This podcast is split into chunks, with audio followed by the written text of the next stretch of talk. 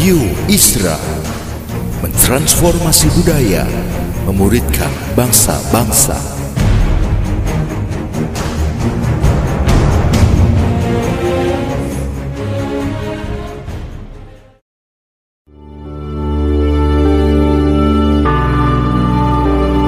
Apostolic Prophetic Messages mengungkapkan pesan dan arahan dari hati Tuhan bagi gerejanya demi menuntaskan mandat kerajaan Allah di Indonesia dan bangsa-bangsa. Selamat mendengarkan.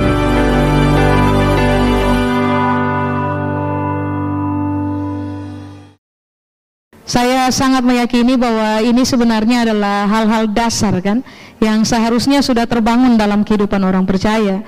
Tapi mengingat semakin singkatnya waktu kedatangan Kristus adalah penting bagi saudara dan saya untuk menguji ulang diri kita sendiri. Apakah uh, pada landasan yang benar, saudara dan saya telah membangun kehidupan atau jangan-jangan kita merasa kita sudah punya landasan benar, tapi ternyata kita tidak membangun kehidupan di landasan yang benar, begitu. Jadi mari kita kita belajar lalu kita cek diri sendiri. Seandainya landasan kita nggak betul, nggak apa-apa mulai hari ini buang dasar lama ganti dasar baru supaya kalau dasar betul pertumbuhan sehat buah pasti bagus ya saya undang saudara untuk langsung saja buka dengan saya Pak Ibu dalam Amsal pasal 31 sorry 21 ayat 3 Amsal pasal 21 ayat 3 kalau Bapak dan Ibu sudah dapat saya baca Amsal pasal 21 ayat 3 sudah? Baik. Ini yang Alkitab bilang. Melakukan kebenaran dan keadilan itu lebih dikenan Tuhan daripada korban. Nah, sekarang ini kan rata-rata orang balik kan? Kasih korban atau berkorban saja dulu, tapi orang tidak kuat dalam realita kebenaran dan keadilan. Ini yang saudara harus pahami pada konsep dasar berkorban saja tanpa kebenaran tidak ada perkenanan betul berkorban saja tanpa gaya hidup adil tidak mungkin Tuhan berkenan buat kita. Esensi yang Tuhan soroti tentang hidup saudara dan saya bukan korbannya. Esensi yang Tuhan soroti tentang hidup saudara dan saya adalah satu kebenarannya. Dua keadilannya. Nah ayat ini dimulai dengan kata penting melakukan. Berarti begini Pak, Ibu, kebenaran dan keadilan bukan teori. Kebenaran dan keadilan bukan cuma cukup untuk dibicarakan saja. Kebenaran dan keadilan dari sejak awal zaman perjanjian lama, Alkitab telah berupaya memberitahukan kepada kita, itu harus dilakukan. Tidak untuk semata-mata dibicarakan saja, betul? Nah mari kita lihat dulu apa yang Alkitab maksudkan dengan kata melakukan. Sebab, mari saya ulang, kebenaran dan keadilan kalau cuma dibicarakan kalau cuma dibicarakan itu nggak esens yang harus dilakukan eh, yang harus disoroti adalah esensi dari kebenaran dan keadilan adalah melakukannya. Nah bahasa Ibrani untuk kata melakukan di situ disebut dengan kata ini asa. Jadi Alkitab bilang ini asa kebenaran asa keadilan. Melakukan sama dengan asa bahasa Ibraninya. Asa itu punya pengertian ini Pak. Ibu Tampilkan dalam kelakuan Makanya tadi saya bilang Kebenaran bukan teori Keadilan bukan teori Soal ini yang kita ajar kalau kamu mau mau kaitkan dengan realita kebenaran atau keadilan, nah ini yang harus kamu pahami. Kebenaran dan keadilan itu harus ditampilkan dalam kelakuan. Nah ini kan yang kita pahami bersama. Kelakuan itu kita pertontonkan tiap-tiap hari, Pak Ibu. Nah rupa-rupanya ini yang Alkitab ajar. Kalau ada hal yang harus dipertontonkan tiap-tiap hari melalui kelakuan yang saudara dan saya punya, maka itu saja tuh Alkitab ajar buat kita di ayat 3. Satu, kamu harus mempertontonkan kelakuan benar. Dua, kamu harus menampilkan kelakuan yang adil. So kalau bukan pernah menampilkan kelakuan benar dan kelakuan adil, sorry Pak, Ibu, tidak ada perkenanan.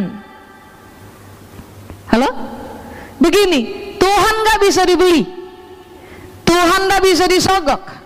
dengan pengorbanan saudara dan saya, dengan uang saudara dan saya, dengan tenaga saudara dan saya, dengan energi yang kita kuras dalam pemikiran atas nama kerajaan Allah, nggak bisa. Selama saudara dan saya tidak didapati sebagai pribadi-pribadi yang terbiasa menampilkan kelakuan benar dan juga kelakuan yang adil dalam hidup kita tiap-tiap hari.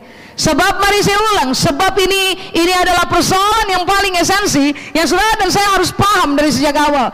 Tuhan tak berkenan cuma kepada korban. Sebab intisari yang Tuhan soroti dalam kaitannya dengan hidup kita bukan korban. Intisari yang Tuhan soroti tentang hidup kita adalah saya ulang, tampilkan kelakuan benar, tampilkan kelakuan adil. Amin. Nah, sekarang yang kedua, apakah melakukan atau asa? Melakukan asa kebenaran, asa keadilan. Kalau yang pertama kan artinya ini, tampilkan dong dalam kelakuan. Tapi yang kedua, kamu harus komit untuk mempertahankan kelakuan. Berarti ini, kebenaran tidak bisa saudara dan saya tampilkan dalam kelakuan cuma hari Minggu saja. Keadilan Israel. Nah, kata melakukan ini yang Alkitab ajar. Kamu harus komit untuk pertahankan itu kelakuan. Persoalan dari kebanyakan orang Kristen adalah ini. Hari Minggu kita tampak bagus, benar dan adil. Hari Senin sampai Sabtu belum tentu. Ketemu orang percaya kita berupaya untuk hidup benar dan adil. Orang percaya nggak ada, kita hidup sembarangan. Tidak bisa. Nah yang Tuhan soroti adalah saya ulang. Saudara dan saya harus didapati sebagai pribadi yang melakukan kebenaran dan keadilan. Tapi yang kedua, saya dan saya harus komit untuk mempertahankan. Sebab begini Pak, Ibu. Entah saudara menyadarinya atau tidak, mau mengakuinya atau tidak. Tapi sampai dengan hari-hari ini, jarang sekali itu ada orang yang didapati kelakuannya bertahan dalam kebenaran dan itu muncul karena komitmen. Jarang sekali kita ketemu dalam kelakuan tiap-tiap hari orang percaya yang bertahan dalam keadilan yang muncul dari komitmen. Nah ini yang saudara dan saya harus pahami. Kita harus terbiasa dikenal sebagai pribadi yang jago bermain komitmen. Karena komitmen itu penting. Siapa pun yang mahir mempertahankan komitmen, yang mereka akan dapati adalah long lasting, konsistensi, mengerjakan apa aja, apalagi berkaitan dengan kebenaran dan keadilan. Makanya dengarkan ini baik Pak, Ibu. Yang Alkitab ajar bukan tentang persoalan hidup benar hari ini, tidak benar besok nggak apa-apa, wajar. Masih manusia, kaki masih injak tanah. Bukan itu persoalannya. Ini yang Alkitab ajar. Kalau memang kamu mau hidup benar, kalau memang kamu mau hidup adil, kamu harus mempertontonkannya dalam kelakuan, tapi kamu pun harus berani untuk berkomitmen mempertahankan itu kelakuan long lasting. Amin. So kalau bukan ini prinsip atau pemahaman yang kita bangun dari sejak awal dalam kerangka berpikir kita, yang akan terjadi adalah begini Pak, Ibu. Hari ini kita benar, besok belum tentu. Besok kita adil, lusa belum tentu. Nah bukan itu kan yang Tuhan kenan. Yang Tuhan kenan adalah ternyata uh, penulis kitab Amsal yang Tuhan berkenan terhadapnya adalah orang-orang yang berani berkomitmen mempertahankan kelakuan benar dan orang-orang yang berani berkomitmen mempertahankan kelakuan adil. Amin. Saudara diam sekali. Coba-coba. Sekarang mari kita lihat apa yang Alkitab maksudkan dengan kata kebenaran. Di situ. Tentang persoalan melakukan kita sudah paham toh? Kebenaran dan keadilan harus ditampilkan dalam kelakuan. Tapi menampilkan kelakuan benar dan kelakuan adil itu harus Alkitab tadi bilang apa? Dipertahankan dalam komitmen. Sudah? Nah sekarang mari kita lihat apa yang Alkitab maksudkan kebenaran. Dalam bahasa Ibrani kata kebenaran itu disebut dengan kata ini sedaka. S E D A Q A sedaka. Sedaka punya pengertian yang pertama adalah begini, kelakuan benar, kelakuan bersih. Nah ini kan yang harus kita putuskan untuk kerjakan dengan serius Pak Ibu. Daripada kita menjadi pribadi-pribadi yang semakin mahir amati orang punya hidup, why don't you mulai terbiasa belajar untuk mengamati diri sendiri. So, kalau ada hal yang Tuhan akan nilai tentang hidupnya kita, maka hal tersebut adalah ini. Satu, kamu punya kelakuan, itu benar atau tidak? Apa yang kamu kerjakan dalam keseharian, itu bersih atau tidak? Sebab begini, orang gak lihat, Tuhan lihat. Orang gak tahu, Tuhan tahu. Orang sering kali gagal uji kita, tapi Tuhan tidak pernah gagal uji kita. Makanya ini yang saudara yang saya harus kasih tahu kepada diri sendiri, tidak bisa.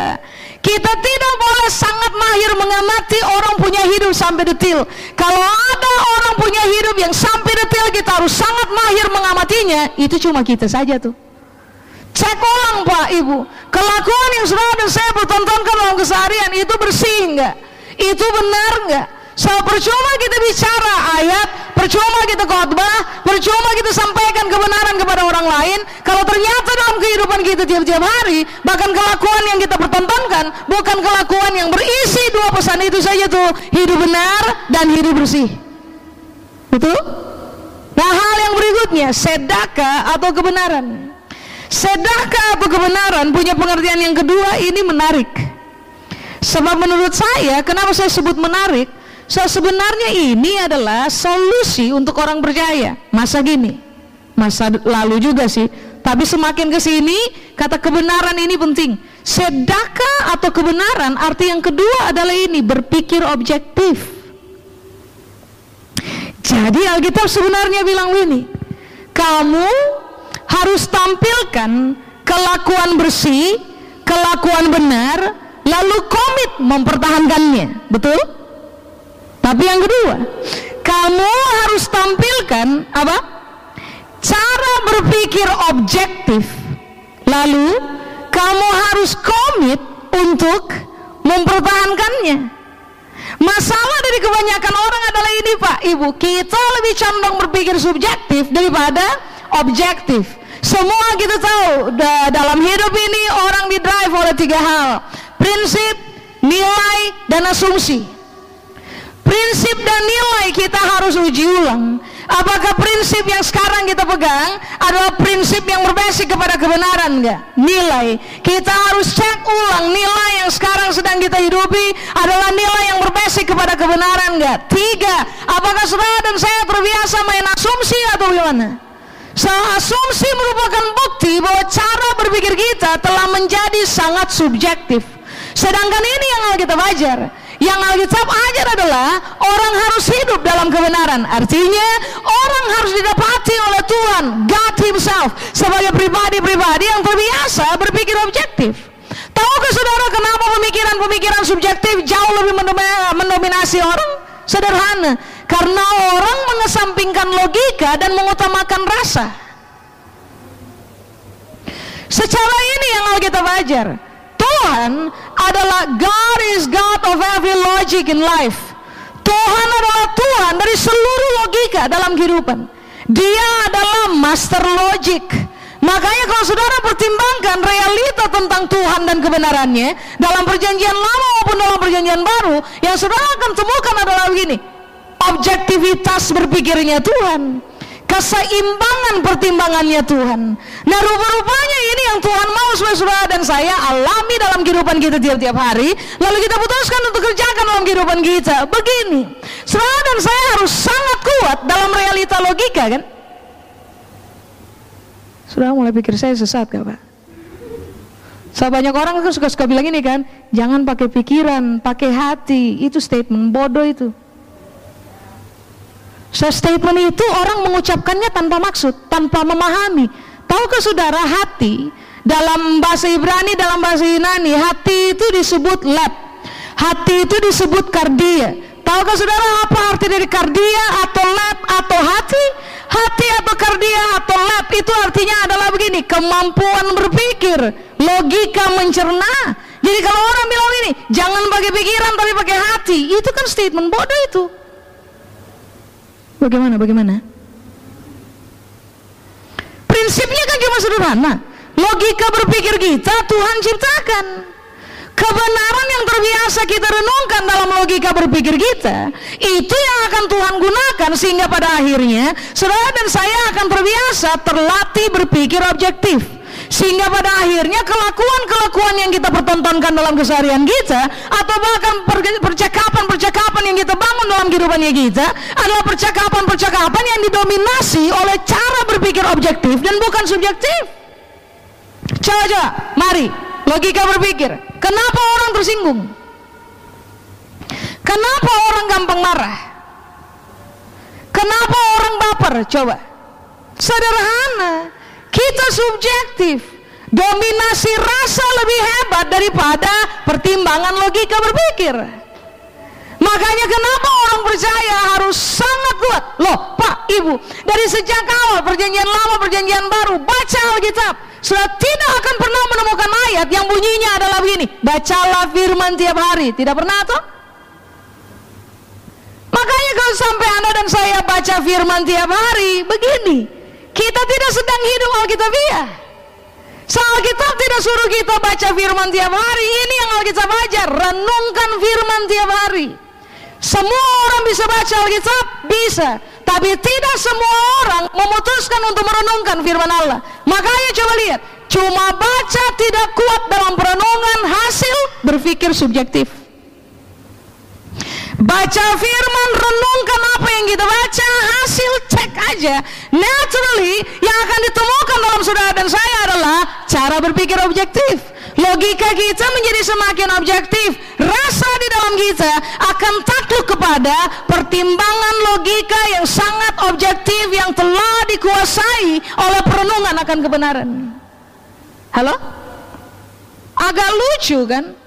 Kalau pada akhirnya pendeta tertentu berbicara di depan sambil berkhotbah dan sindir orang bahkan sampai sebut nama. Nah itu kan tanda bahwa ah kamu penuh dengan pertimbangan subjektif. Apakah itu mewakili kebenaran? Tidak. Sebab ini yang Tuhan ajar. Kebenaran adalah kelakuan benar dan kelakuan bersih. Kebenaran adalah cara berpikir yang objektif, seimbang. Ingat saya ulang, harus kuat dalam pertimbangan logika dan saudara dan saya nggak bisa membiarkan rasa mendominasi kita punya pertimbangan. Halo? Bagaimana? Saya tidak sedang marah. Saya cuma sedang mengkomunikasikan isi hati. Seorang Kristen punya masalah di satu ini nih, sangat subjektif. Ketemu orang yang kita kenal, lihat dia dari jauh, yang kita pahami adalah dia punya mata dengan dia punya muka ngarah ke kita. Karena kita kenal, kita lempar senyum. Eh, dia tidak lempar senyum. Lalu, jangan pura-pura bodoh. Lalu, apa yang kemudian terjadi? Kita bicara di belakang. Kita bilang, ah itu orang sombong. Ah, lihat dulu dia lihat saya, saya lempar senyum, dia tidak balas senyum. Tahukah saudara kadang-kadang mata melihat otak lagi ada tempat lain? Kenapa kita bikin keputusan berdasarkan kita punya pertimbangan rasa tanpa membiarkan pemikiran objektif itu menolong kita untuk mencerna dengan benar? Perempuan pulang malam pakai rok pendek, kita bilang perempuan nakal, jangan-jangan di tempat dia kerja seragamnya begitu.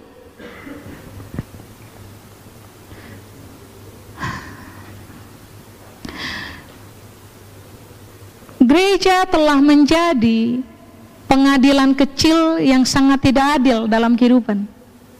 Gereja yang saya maksudkan adalah orang percaya dan bukan kaitannya, tidak ada pernah dikaitkan dengan organisasi atau sinode.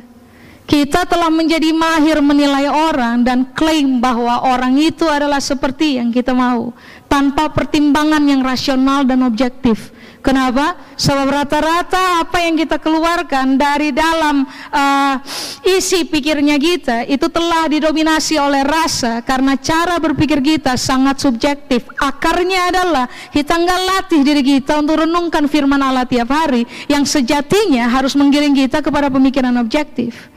Makanya coba cek lagi Pak Ibu Yang Tuhan soroti dari kita adalah kelakuan benar Komitmen mempertahankan cara berpikir objektif Tuhan lebih hargai itu daripada sekedar kasih korban demi kasih korban tiap-tiap hari kepada Tuhan. It means nothing. I'm sorry.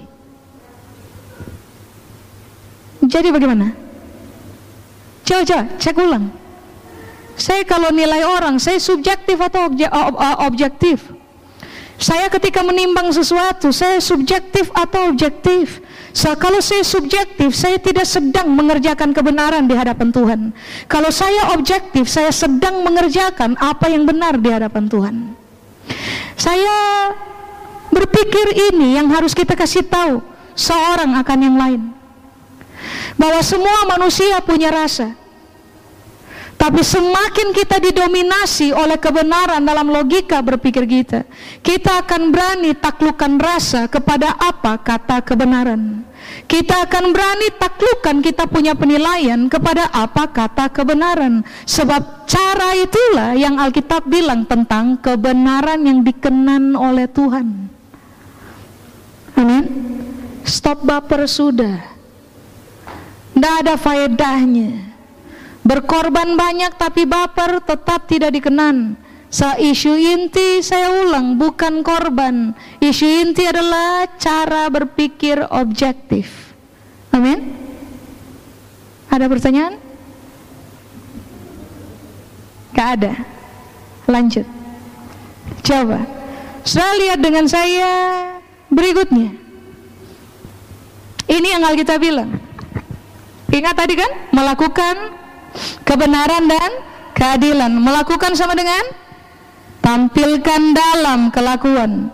Melakukan sama dengan berkomitmen mempertahankan. Kebenaran sama dengan kelakuan benar, kelakuan bersih. Kebenaran sama dengan cara berpikir objektif. Sudah? Nah sekarang mari kita lanjut kepada keadilan. Dalam bahasa Ibrani keadilan itu sama dengan mispat. M I S P A T mispat. Mispat itu artinya ini takaran atau ukuran atau timbangan yang sejajar tidak berat sebelah. Saya punya teman dia berdagang. Saya baru tahu bahwa ternyata dalam dagangannya timbangannya itu diatur. Sehingga tampak di timbangan berat satu kilo. Orang juga lihat satu kilo tapi ternyata yang dia jual itu tidak sampai satu kilo. Timbangan diatur. Lalu kemudian saudara pikir timbangan sudah dan saya atur Orang beli satu kilo tapi kita kasih tidak sampai satu kilo. Lalu hari minggu kita datang lalu kita serahkan korban kepada Tuhan. Lalu saudara berpikir kita berpikir bahwa Tuhan berkenan untuk apa yang kita kasih? Tidak, mari saya ulang. Yang Tuhan soroti bukan korban. Yang Tuhan soroti adalah keadilan. Hal yang harus kita cek ulang tentang kita adalah Satu, takaran yang kamu pakai itu seimbang atau tidak ukuran yang kamu pakai itu seimbang atau tidak? Timbangan yang kamu pakai itu seimbang atau tidak? Sewaktu kamu bermain ketidakseimbangan kamu gagal dalam gaya hidup adil. Dan kalau kamu gagal dalam gaya hidup adil sorry kalau Tuhan tidak berkenan. Saudara pikir masuk surga gampang kah? tidak bisa Saudara dan saya, Yesus telah menyelesaikan segala sesuatu. Dia telah menetapkan dirinya sebagai jalan. Dia adalah kunci dalam segala sesuatu. Dia adalah sumber dalam segala sesuatu. Dia persiapkan segala sesuatu buat kita. Sekarang kan bergantung mau masuk surga atau tidak. Itu kita punya keputusan kan? Atau saudara pikir bagaimana? Dari muda boleh jahat, masuk dalam realita kaya raya, tua foya-foya, mati masuk surga? Siapa yang bilang? Tidak bisa. Kalau saudara berdagang, waktu saudara ukur orang, waktu saudara takar realita yang ada depan mata, pastikan itu seimbang. Jangan keluarkan statement tanpa pertimbangan. So yang Tuhan soroti dari kita adalah keadilan. Sekarang saya nggak bisa bicara sembarangan lagi. Kenapa? Karena sekarang kita sudah tahu Tuhan punya standar untuk kita punya hidup. Hei, kamu tidak bisa ukur sembarangan, kamu tidak bisa main timbangan sembarangan, kamu tidak bisa takar orang sembarangan. Karena kalau kamu sembarangan, titik itu yang Tuhan akan lihat dari kamu, toh. Bukan persoalan persembahan berapa banyak yang kamu bisa kasih kepada Tuhan. Makanya kali ini yang harus kita telisik ulang tentang kita. Makanya kenapa? Saya masih ingat Yesus bilang, apa pun yang kamu takarkan kepada orang, takaran yang sama saya pakai untuk takar kamu. Kalau kamu berlaku adil, Tuhan berlaku adil buat kita.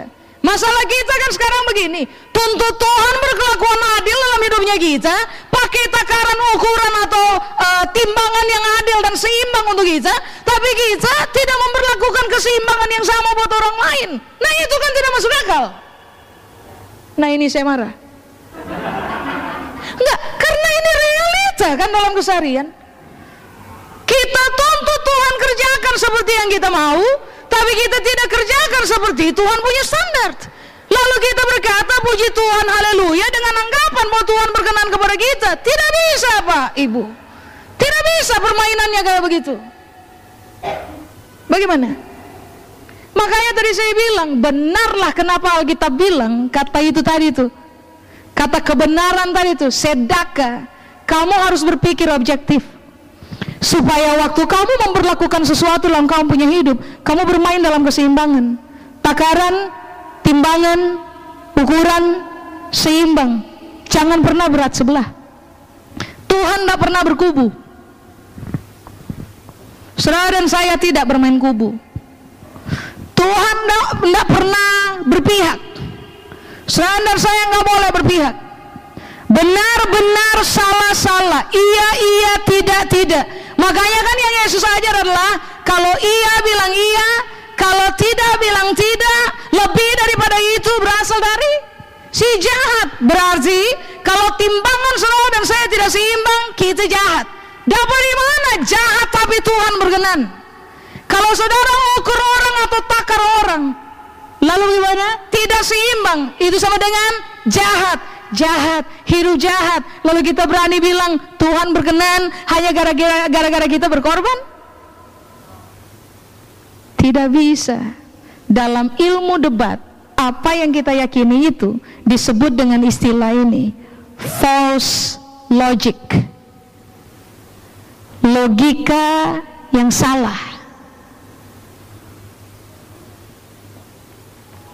Kajol menyebutnya dengan istilah apa? Dia bilang apa tuh? Cacat logika. Tapi sebenarnya ilmu debat nggak bilang cacat logika, ilmu debat bilang false logic gitu. Logika yang salah. Dibilang cacat juga ya sudahlah kita mainkan saja. Tapi ini logika salah, pertimbangan salah, perenungan salah, ukuran salah, takaran salah. Makanya ketika orang berdebat dan logikanya nggak masuk, nggak punya dasar, itu selalu kalah kan? Sudah? Apakah keadilan? Misbat. Begini, penilaian yang bijak, keputusan yang bijak, cara yang bijak. Kadang-kadang maksud benar, cara salah. Betul? Keadilan dari cara Alkitab ajar, artinya ini, kamu nilai bikin penilaian, belajarlah untuk bijak. Ingat, Kebijaksanaan tidak dilempar dari langit. Kebijaksanaan tidak terjadi tiba-tiba. Dibutuhkan ini. Jam yang berputar untuk belajar.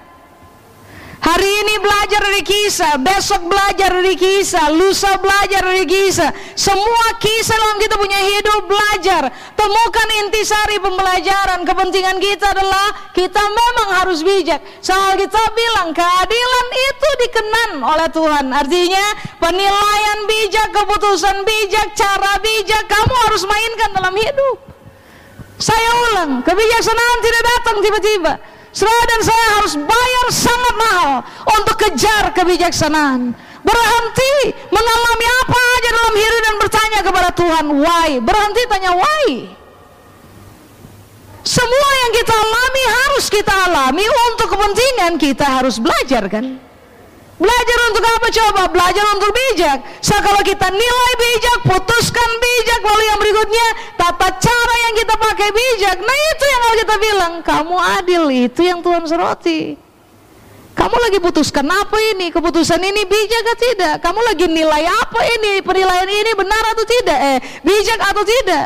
Kamu uh, lagi gunakan cara apa ini? Ini uh, bijak atau tidak? Nah, itu kan yang harus kita pertimbangkan. Sebab itu yang Tuhan cari dari kita, Pak, Ibu. Coba, saudara buka dengan saya Mika pasal 6. Keadilan apa tadi? Timbangan, takaran, ukuran, seimbang. Keadilan adalah penilaian, keputusan, cara, bijak. Latihan. Sudah? Mika pasal 6 ayat 7. Masih ingat ayat yang tadi kita baca kan? Amsal 21 ayat 3 bilang melakukan kebenaran dan kehadiran lebih dikenan Tuhan daripada korban. Ingat itu ya. Nah sekarang lihat Mika pasal 6 ayat 7 saya baca. Sudah? Berkenan ke Tuhan kepada ribuan domba jantan apa itu? Korban. Kepada puluhan ribu curahan minyak akan kupersembahkankah anak sulungku karena pelanggaranku dan buah kandunganku karena dosaku sendiri? Saudara kalau kalau hitung ayat 7 ayat 7 itu bisa miliaran harganya. Sebab di zaman itu saja ribuan domba jantan itu sudah mahal hitung kaitkan juga dengan inflasi yang ada saya akan menemukan itu mahal itu lalu puluhan ribu curahan minyak jadi penulis kitab Mika lagi berupaya untuk kasih tahu begini. Orang bisa kasih banyak banyak banget tuh korban. Termasuk yang terakhir kalimat terakhir di bawah itu itu ngeri itu persembahannya. Anak sulung buah kandungan dipersembahkan kepada Tuhan.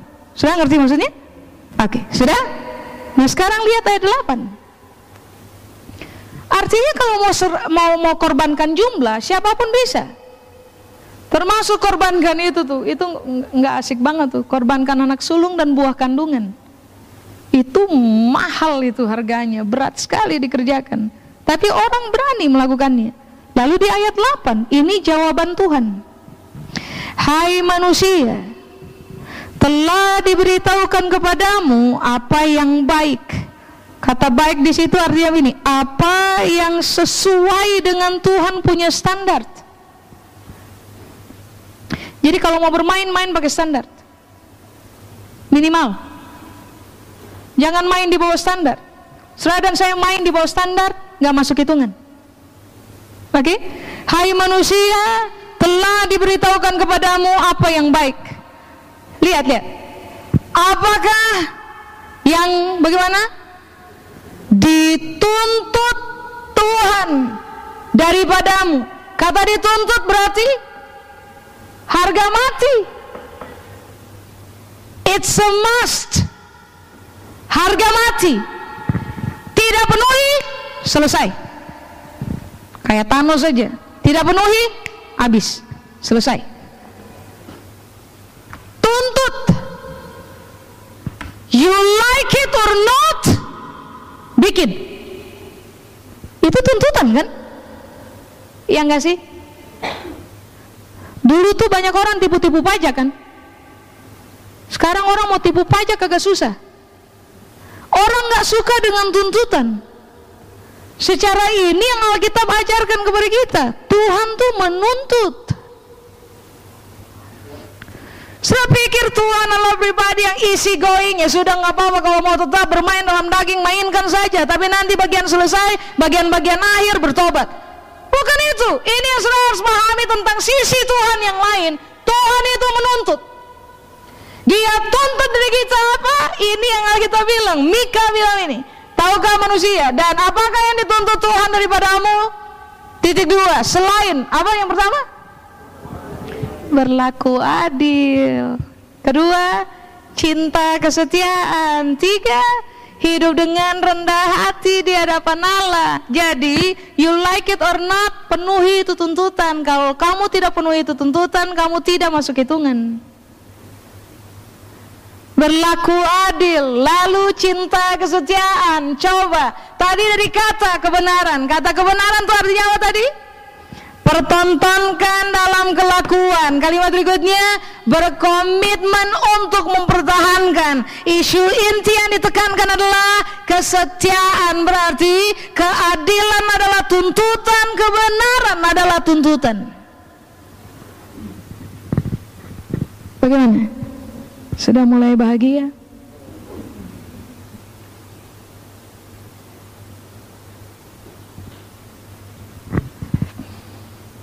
Makanya menurut saya begini, kita tidak bisa cuma jadi Tuhan Yesus punya fans.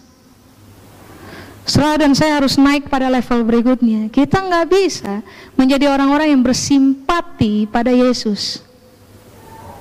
Karena pengajarannya, karena mujizatnya, karena apa yang dia mampu kerjakan dalam hidupnya kita. Kita harus naik pada level berikutnya, pengikut. Di mana-mana kata pengikut tidak ada bantahan, apa saja yang dia pertontonkan kamu ikuti. Nah, pada titik ini sisi beratnya. Makanya semua orang yang mau ikut Yesus dari awal Yesus sudah kasih tahu buat mereka berat loh. Satu, kamu sangkal diri. Dua, kamu pikul salib. Tiga, kamu ikuti cara saya hidup. Dan cara yang Tuhan mainkan, standar yang Tuhan mainkan dalam kehidupan adalah satu, kamu hidup benar. Dua, kamu hidup adil. Itu sama dengan tuntutan. Bilang buat di samping, tuntutan Tuhan, jangan bilang dulu, lihat saya dulu. Tuntutan Tuhan buat kamu, siapa pun namanya, adalah kamu harus hidup adil, kamu harus hidup benar. Silahkan.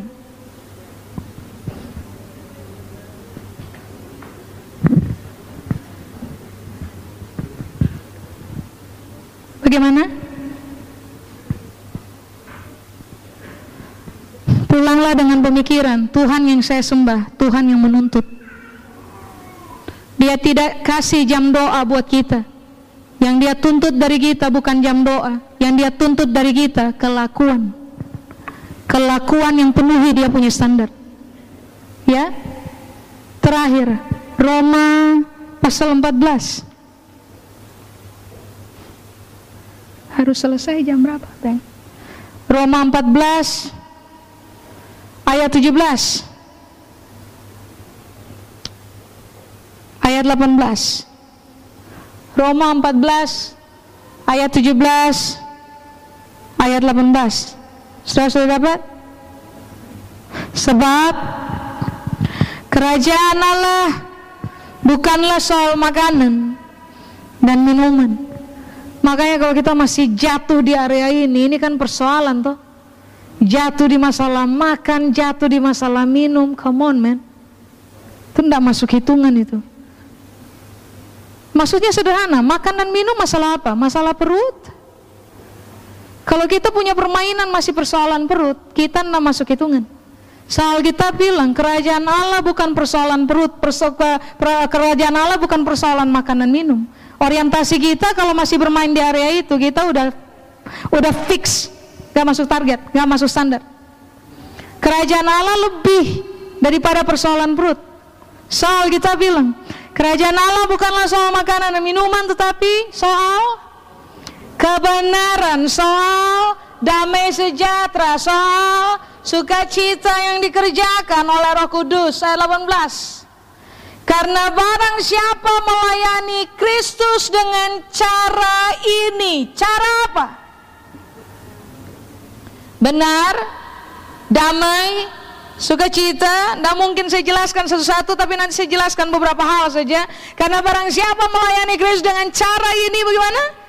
Ia berkenan kepada Allah dan dihormati oleh manusia. Kira-kira sama dengan ayat pertama Amsal 21? Kira-kira sama dengan kita Mika? Jadi realita perkenanan dimulai dengan keadilan dan kebenaran. Ayat 18 kata melayani. Karena barang siapa melayani Kristus dengan cara ini, dulu. Kata yang lain adalah dulos. Tapi untuk kata di situ, kata melayani di situ, itu kata Ibrani menggunakan kata dulu. Dulu punya pengertian yang pertama dalam ini. Siapa aja mengabdi kepada Kristus dengan cara ini? Apakah melayani atau dulu? Dulu atau melayani punya pengertian yang kedua adalah ini. Siapa aja yang berani terikat pada Kristus dengan cara ini? Jadi tahukah saudara bahwa kebenaran dan keadilan adalah ikatan antara kita dengan Kristus? Itu ikatan. Ikatan dengan kata lain, menjelaskan kata ikatan itu terkait dengan kata penting ini, covenant. Janji orang gampang langgar, covenant tidak. Makanya waktu Paulus menggunakan kata itu tuh, melayani dulu, yang dia maksudkan adalah ini bukan sekedar melayani biasa, ini adalah persoalan ngabdi. Ini bukan persoalan uh, apa tadi? Berjanji ikut Yesus biasa. Ini adalah keadaan kita memutuskan terikat dengan Yesus. Nah kalau sampai saudara dan saya berkata bahwa kita ini abdi Kristus Dua, kalau sampai kita berkata Kita ini memberi diri kita terikat pada Kristus Pertanyaannya adalah Kelakuan kamu benar enggak? Kelakuan kamu dan saya kita ini adalah Orang-orang yang terbiasa melatih diri dalam keadilan enggak? Sebab bohong pak ibu kalau kita bilang kita ngabdi pada Kristus dan kita punya hidup terikat pada Kristus, tapi kita gagal dalam realita kebenaran dan kita gagal dalam realita keadilan kan? Bohong besar. Makanya kenapa ini yang Alkitab berbuat kesal kepada kita? Kamu harus pahami bahwa Tuhan yang kamu sembah itu menuntut. Jadi jangan hidup nyantai. Gak apa-apa, dia panjang sabar dan berlimpah kasih setia untuk kasus tertentu. Kalau waktu habis, orang Ambon bilang, ale apa? Selesai kita. Kalau waktu habis. Nah kita harus paham sampai kepada titik ini. Supaya begini Pak, Ibu. Kita menjadi orang-orang Kristen yang teruji dalam semua sisi. Yang terbiasa main pakai standar. Yang terbiasa berpikir tidak keluar jalur yang terbiasa memutuskan tapi berhitung. Nggak putuskan sembarangan nggak ngomong sembarangan nggak hidup sembarangan nggak kerja sembarangan. Karena ini yang kita tahu Tuhan tuntut Tuhan cermati. Ini bukan persoalan berapa banyak kamu beri ini persoalan berapa banyak kamu hidupi. Baru nanti waktu kita hidupi kebenaran, kita hidup dalam keadilan, lalu kita kasih korban, loh, Tuhan pasti ambil, ambil dong. Karena kita sudah melampaui sesi pertama kan, hidup adil, hidup benar, kasih apa aja Tuhan berkenan kan. Sekarang ini kan dibalik, yang penting kasih saja. Besok jatuh lagi enggak apa-apa, Tuhan ngerti. Yang penting kan saya sudah kasih, bukan itu mainannya. Bagaimana? Kata kebenaran di ayat 17 itu diambil dari kata uh, dikayosonai bahasa Yunani. Di Mai punya pengertian yang pertama, tahu nggak Pak Ibu? Integritas. Jadi kerajaan Allah bukan soal makanan dan minuman. Kerajaan Allah itu soal kebenaran di Sonai atau satu integritas, dua nggak munafik. Caca, pegang muka, jangan-jangan ada tujuh topeng di situ. Sewaktu saudara dan saya hidup dalam kebenaran, yang kita paham adalah begini, kita punya wajah cuma satu. Di mana-mana yang kita tahu adalah wajah dua itu monster. Kemunafikan itu monster. Baca Matius pasal 23 sudah akan mendapati hal yang paling bikin Yesus marah dan marah tingkat dewa itu kemunafikan. Kenapa saya bilang marah tingkat dewa? Baca Matius pasal 23 sudah akan mendapati Yesus bilang kata celaka itu diulang 8 kali. Celaka buat siapa? Orang munafik. Kata celaka di situ artinya terkutuklah engkau selama-lamanya dan tidak akan pernah melihat hidup lagi. Nah itu kan ngeri. Kalau diulang, kalau dibicarakan satu kali, bolehlah. Ini dia ulang delapan kali. Makanya kenapa Paulus ajarkan kalau kamu hidup kerajaan Allah sederhana saja. Pada kamu harus ada integritas, pada kamu harus ada ketidakmunafikan. Lalu Amsal tadi bilang apa? Pertontonkan dalam kelakuan, komit pertahankan itu sampai akhir, main dalam keadilan, cek ulang timbangan, ukuran, penilaian kepada orang, cara yang kita mainkan dalam hidup, ini bijak atau tidak? Sebab kalau toh Tuhan harus berkenan kepada kita, Alkitab bilang yang dia akan kenan adalah kualitas kebenaran dan kualitas keadilan. Amin. Sudah, saya selesai.